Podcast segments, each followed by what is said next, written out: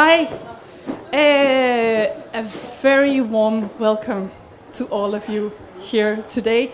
I'm uh, so happy to see all of you, especially considering that we have serious competition from the weather all of a sudden. Those of you who live here in Denmark know that that's definitely not a given in our country. So I'm very happy to see you all. My name is Mette Kirstine, and I'm a senior advocacy um, advisor at the Danish uh, Family Planning uh, Association, which is called Sex uh, in Danish, which I'm sure many of you have heard of. And I'm here to guide you through our conversation for the following 45 minutes. Uh, as you may have noticed, it's uh, Sex and Samfund, my employer, that have organized uh, this debate. And we try to do that every year at the Pride, uh, at the Copenhagen Pride, because we believe that it's immensely important that this issue of LGBT rights globally and how to push these rights are uh, discussed. It's important to take stock, and it's important to discuss how we can work to together as different stakeholders to ad advance these rights.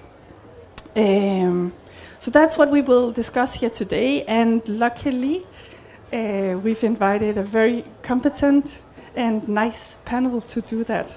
Um, and let me just start by briefly introducing the panel. Firstly, to my left, we have uh, Koen van Dijk from uh, the Dutch organization COC Netherlands.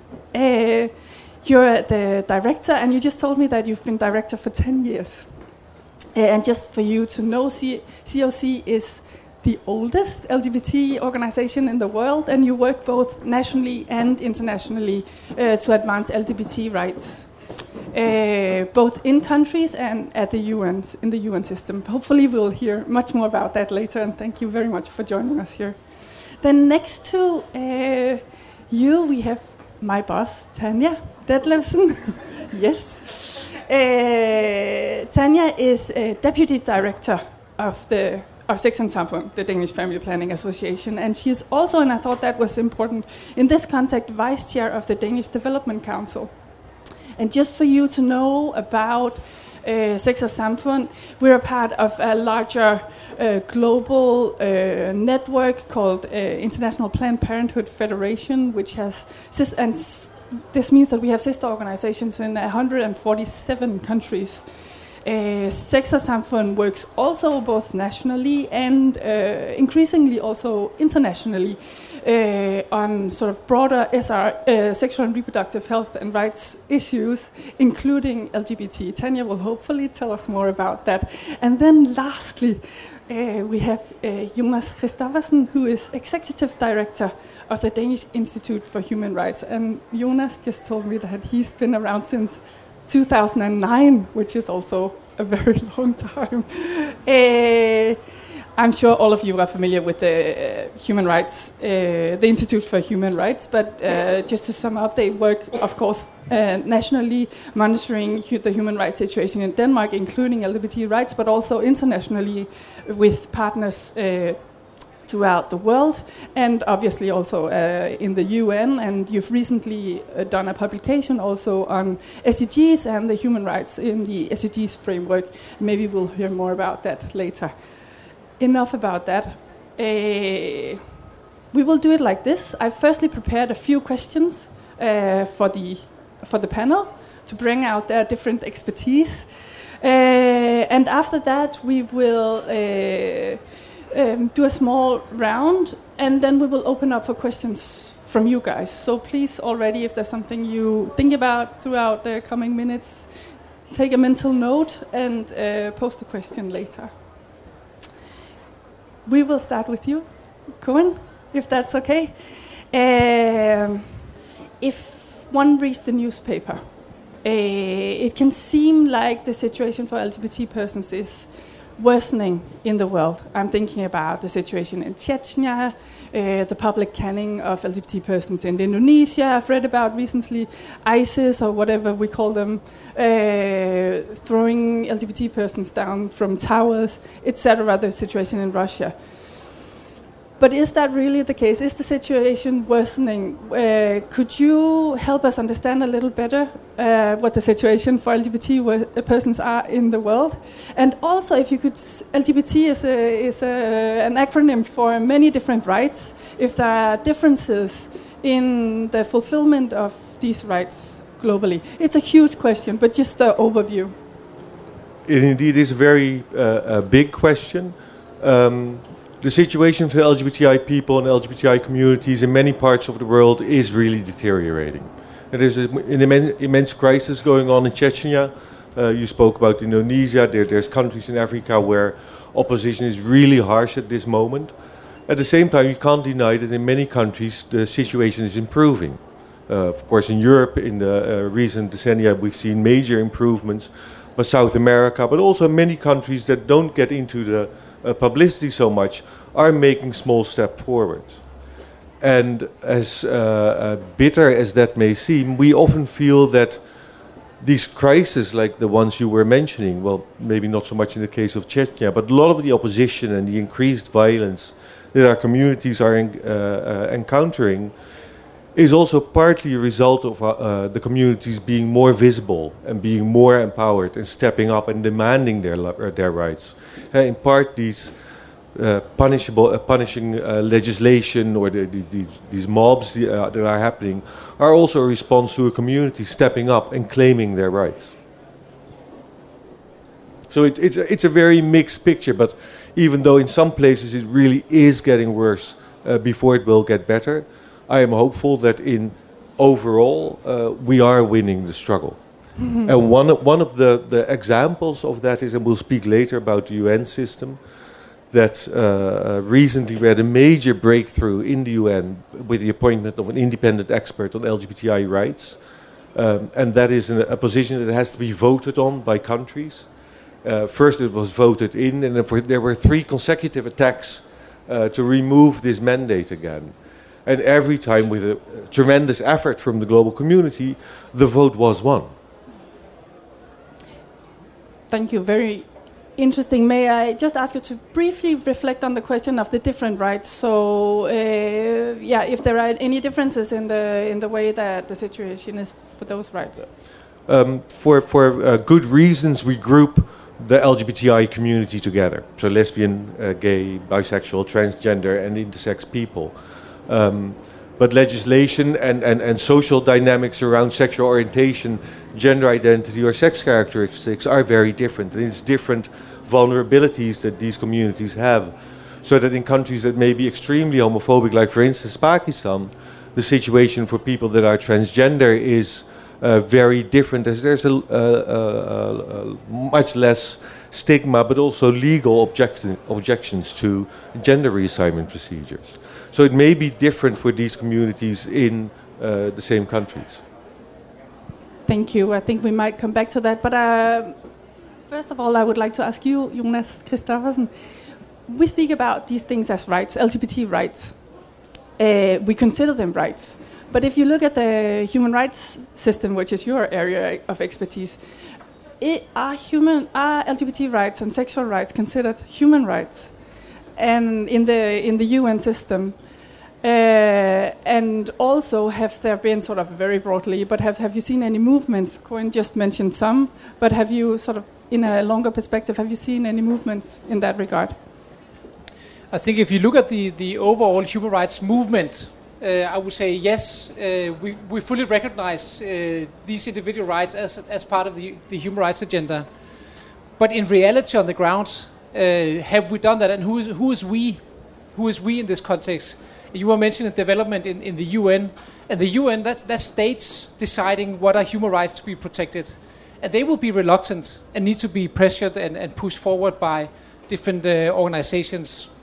So, if you if you look into textbooks and, and nice text, yes, it's, it's definitely recognized as human rights, but reality on the ground in, in the different institutions, uh, much less so. Okay, that was a pretty pretty clear answer. Um, okay, we will we'll leave it there for now, and then move on to Tanya, uh, and then we might get back to it. Yeah, uh, Tanya, we will speak about the politics of LGBT rights. Um, because again, reading the newspapers, as one does, uh, it, it becomes quite clear that LGBT rights have hit the news more and more. And it's clear that it's being used politically both as a power tool within countries, Uganda being a classic example of that, and also uh, between countries, Russia, for instance, in sort of a gigantic uh, geopolitical power play. Could you tell us? I know that this is something that you have been sort of observing and, and working on. Could you tell us a little bit more about that? And also, if possible, if at all there is any connection, if we've seen any developments now with Trump uh, leading the US. Yeah. I'll try, but I'm sure my fellow panelists could maybe add to, to, to some of uh, my thinking here. So, of course, it's clear that this is highly political, uh, and uh, it's, as you mentioned, I think it's important to say that the way LGBT uh, rights are politicized is very much a very traditional uh, sort of scapegoat mechanism that we've seen many, many, many times before in human history. So I think that's a very important sort of basic dynamic to observe when we talk about what's happening at the country level with LGBTI uh, rights. So you mentioned Uganda, very clear cut, a good way to get the uh, popular vote uh, from Ugandans, which I think is it 80 or 85 percent of all Ugandans that uh, uh, are against LGBTI rights. So of course, it's a very smart trick to do for uh, by, by, a presidential candidate, and we've seen that in a number of countries uh, across the globe. So this basic scapegoat mechanism, uh, you you nominate a common enemy, and then you gather people around it, and you sort of attract so much attention to this issue that they don't see all the other shortcomings you have as a candidate, or as an already elected president, or as a parliament, or as a country as such. So I think this is something that.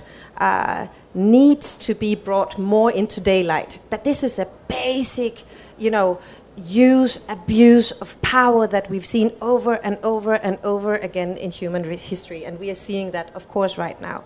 You mentioned Russia.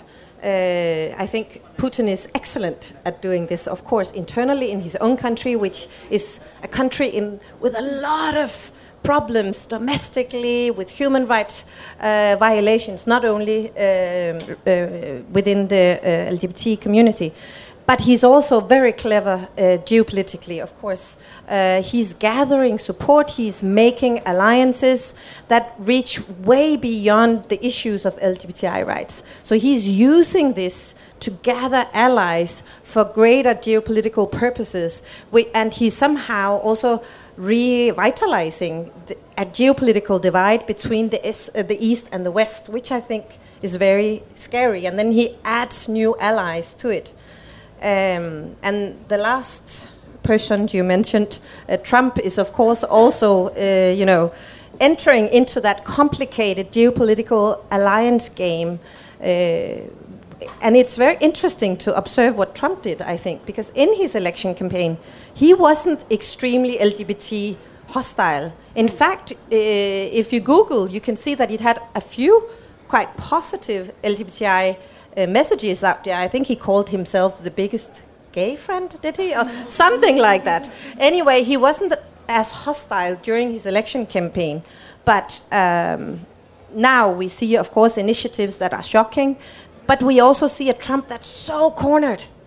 Uh, he's so cornered internally in the US right now that he really needs to secure his support base. So he uses the good old trick of mentioning, of nominating, of uh, shaming uh, a common enemy, and thus he secures his uh, his support base. So, and he's of course a real uh, uh, power factor at the global scene, and he's of course also changing um, the power game because the U.S. has for a number of years actually been quite progressive.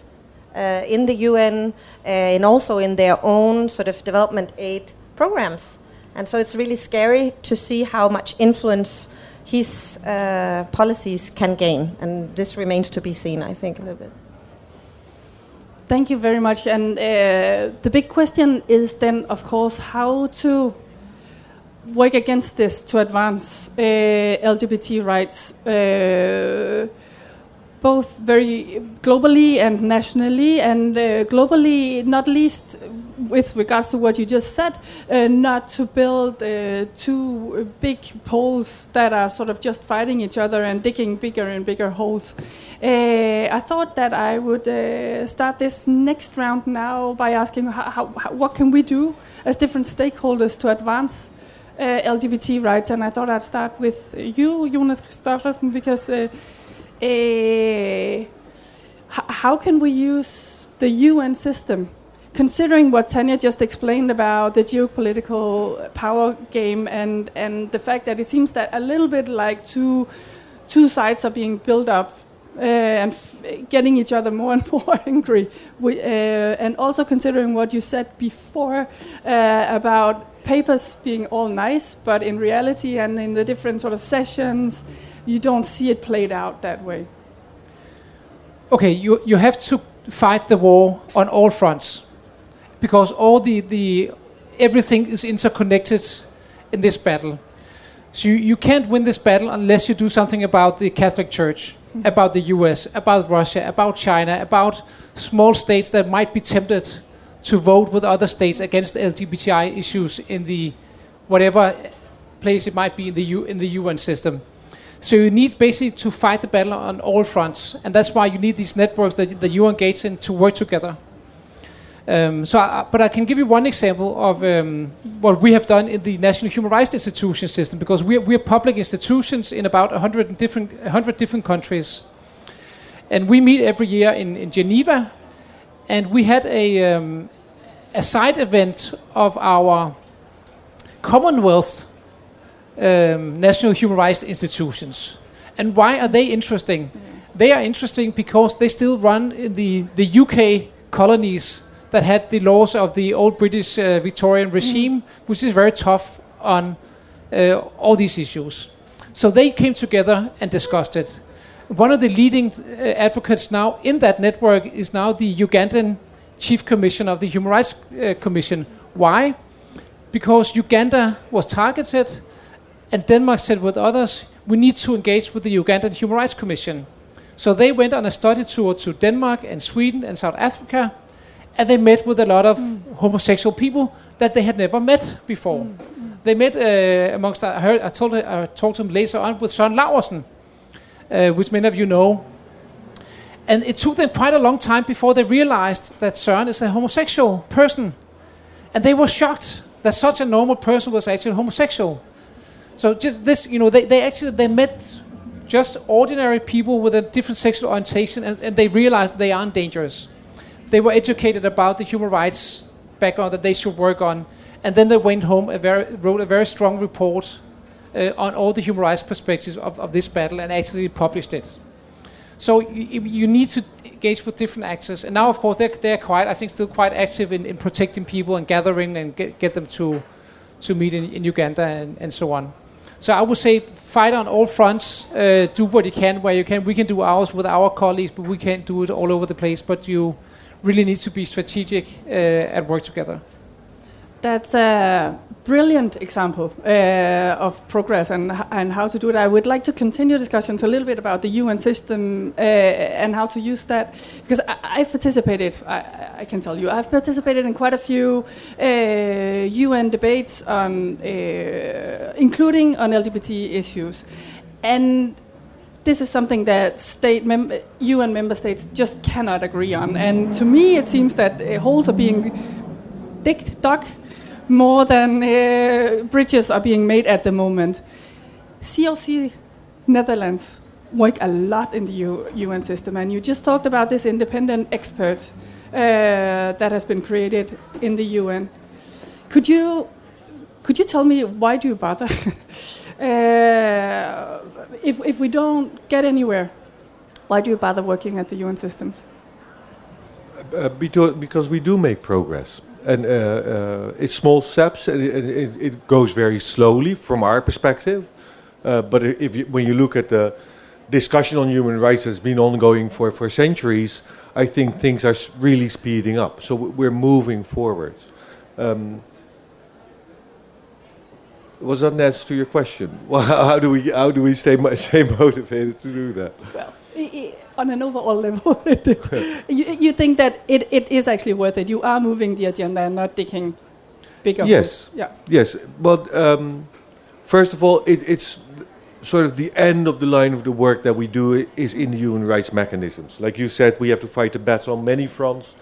The main part of our work, being an LGBTI um, uh, uh, community uh, uh, organization in the Netherlands, working nationally ourselves, we are in the very privileged position that our government allows us to accompany organizations in 35 other countries to do the same kind of work that they need to do in their countries. So mobilize their community. I think every person in this room that identifies as belonging to the LGBTI community knows and feels how important it is to have a safe place to go to and to meet people and to get services that you won't get from your normal health practitioner or in your schools. So that's a very big part of our work. But in the end, empowering those communities and connecting them to networks leads to what I think is very important in the human rights framework is civil society participation. Indeed, it is a system where states come together and discuss and, and reframe uh, the, the, the, universal human rights because really there are no LGBTI rights. Like there's no gay marriage, there's marriage equality. Uh, the mm. thing is, we, we need the world to understand that LGBTI people, because of their sexual orientation, gender identity, or sex characteristics, have specific vulnerabilities for infringements on the human rights that they already have as a human, like the right to the best standard of health care, or a right to education, or freedom of speech, or uh, uh, a right to assembly. So, wh- uh, what we do in the human rights system, and that sort of mirrors what you just said, uh, in Geneva, every country that has signed on to the De Declaration of Human Rights has to write a report and, and uh, uh, defend in towards their peers, the other countries, their track record in safeguarding the human rights of its population. And of course, every government will say, oh, we're doing a great job, all our uh, prisons are repainted, and there's more uh, girls going to schools and stuff like that. Um, but then there's a system where civil society organizations can write a shadow report and hold their own government in Geneva uh, on the podium where all their peers are watching uh, to account on their, their track record in safeguarding our rights. Um, so we do that still for the Netherlands. Uh, we, have just had a very sharp uh, uh, uh, judgment from the Human Rights Council on the rights of intersex babies in the Netherlands, which our country needs to listen to.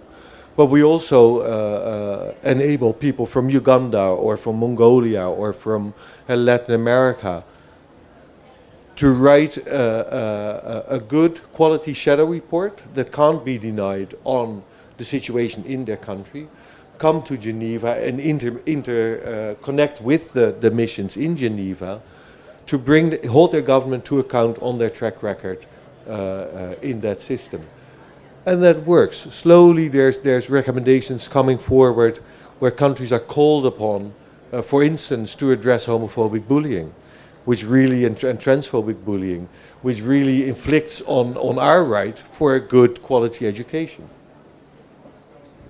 Thank you, Tanya. A very short question for you, and then I will. I hope that there are questions uh, in the audience. Koen just uh, spoke about it, but if an organization like Sex og Samfund, what can we do? How can we use our position to uh, advance LGBT rights? Well, I think I, I, totally agree with the two of you that, of course, this is this is a fight that has to be fought on on many fronts.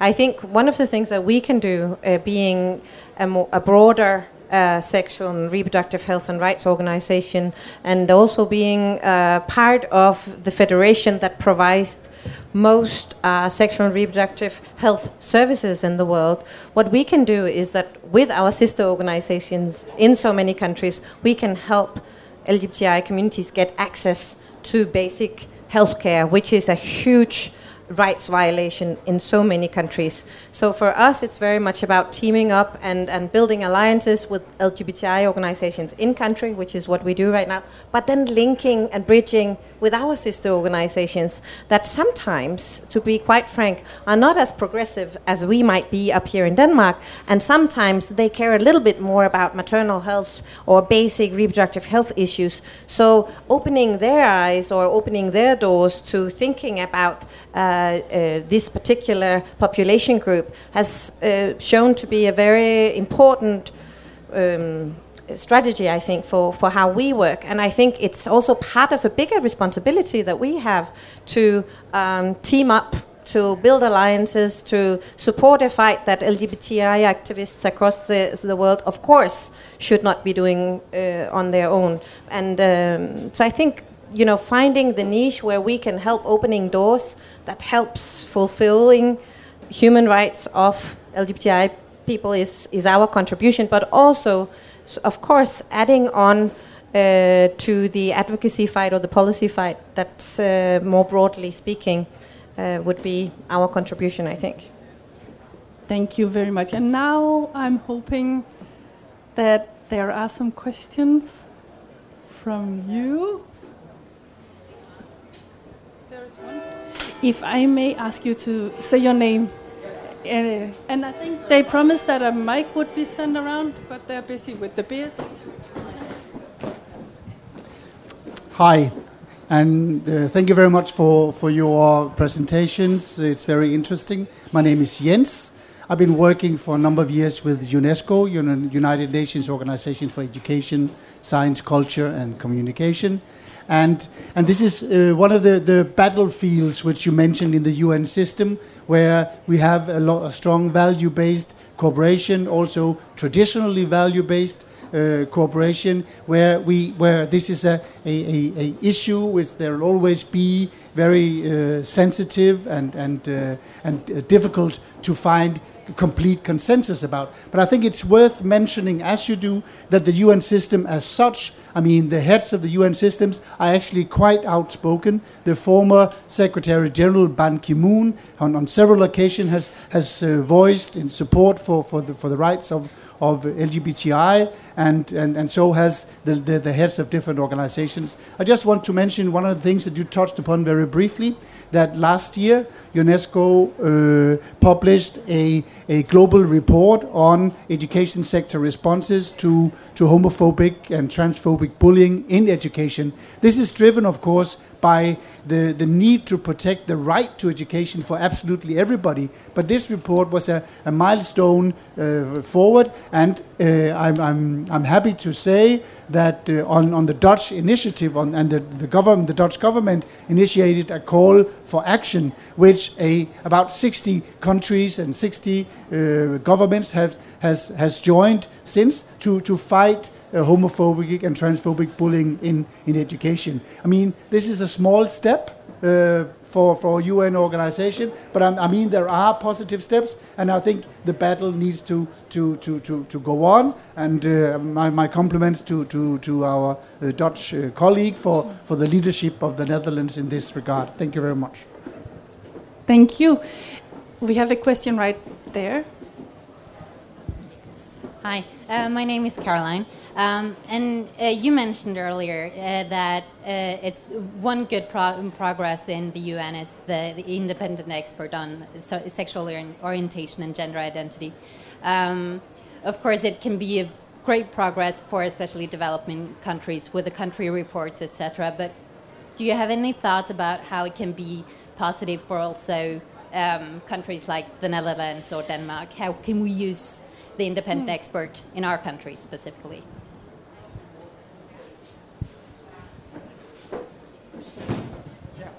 Um, well, as with the whole uh, uh, uh, human rights system, we can use it to address human rights violations that still exist in the countries that we stem from.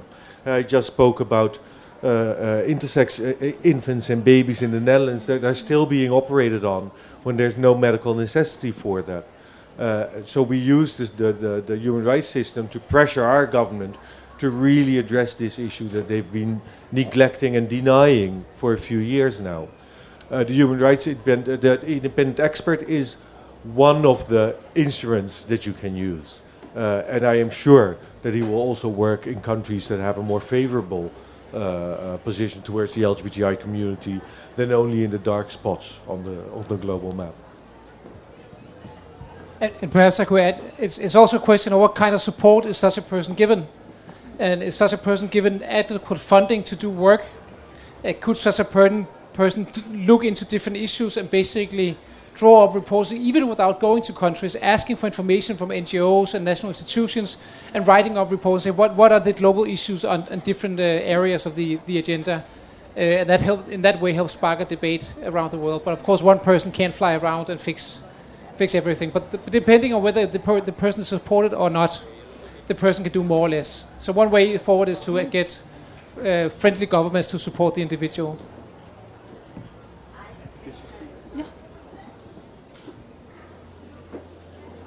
My name is Claudia.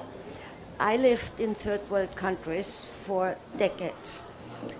I was able to uh, socialize with the locals. I gave them um, as much as I could with my knowledge, having been raised in Germany and traveled all around the world, to educate them. I can tell you one thing this was a job and a half. You cannot raise your, wor- your tone, you cannot scold them. You gotta go and talk to them and show them every day. And I have been a person who set up the first virgin cold pressed coconut oil pre- press in Fiji. What the problem is, and I apologize, UNESCO and all the organizations, what it is, there is so much money spent going down the drain and not ending up where it's really supposed to be. I appreciate very much, sorry, I did not catch your name, Tanya, what you were saying, your politically um, opinion, statement, very much appreciated. And I agree in every single word what you said. Because if we are going to go into an ego driven um, um, personal match internationally, and you know exactly what I'm talking about, it's going to affect all of us. It has nothing to do if you are black, if you are Indian, indigenous, white, or whatever. It's going to affect all of us.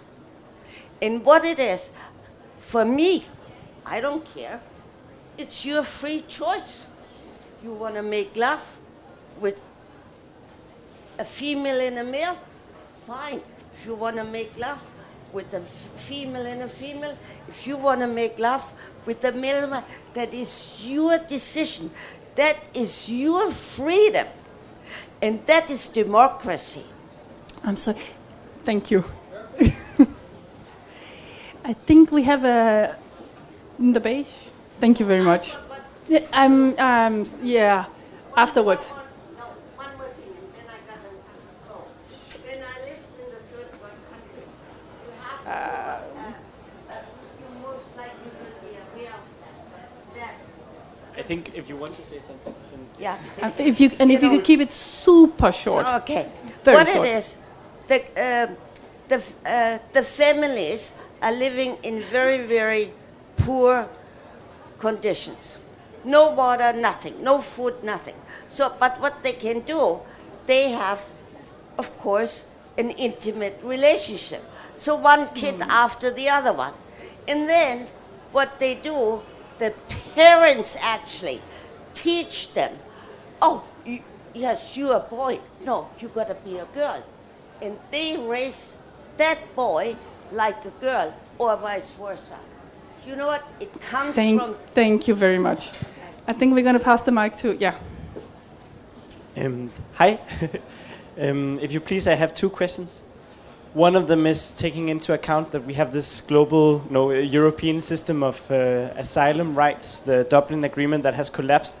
Um, I want to hear your perspectives on uh, LGBTQI persons uh, who apply for asylum um, and many of whom are deported back to their countries of origin, uh, and how that affects our conception of the human rights situation.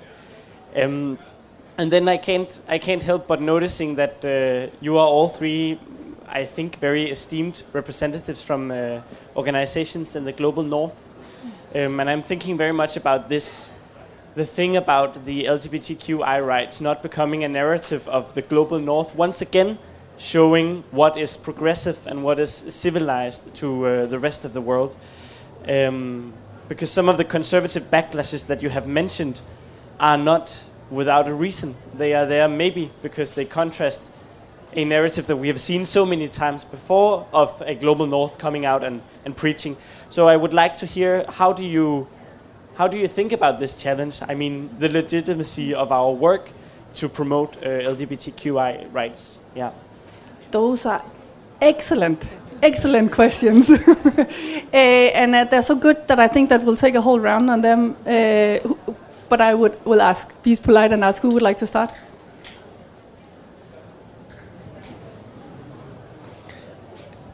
I hope that the uh, the fact that this very small panel in a very big Copenhagen Pride will not be the face of, of pride all over the world and the, the whole uh, development or the whole movement.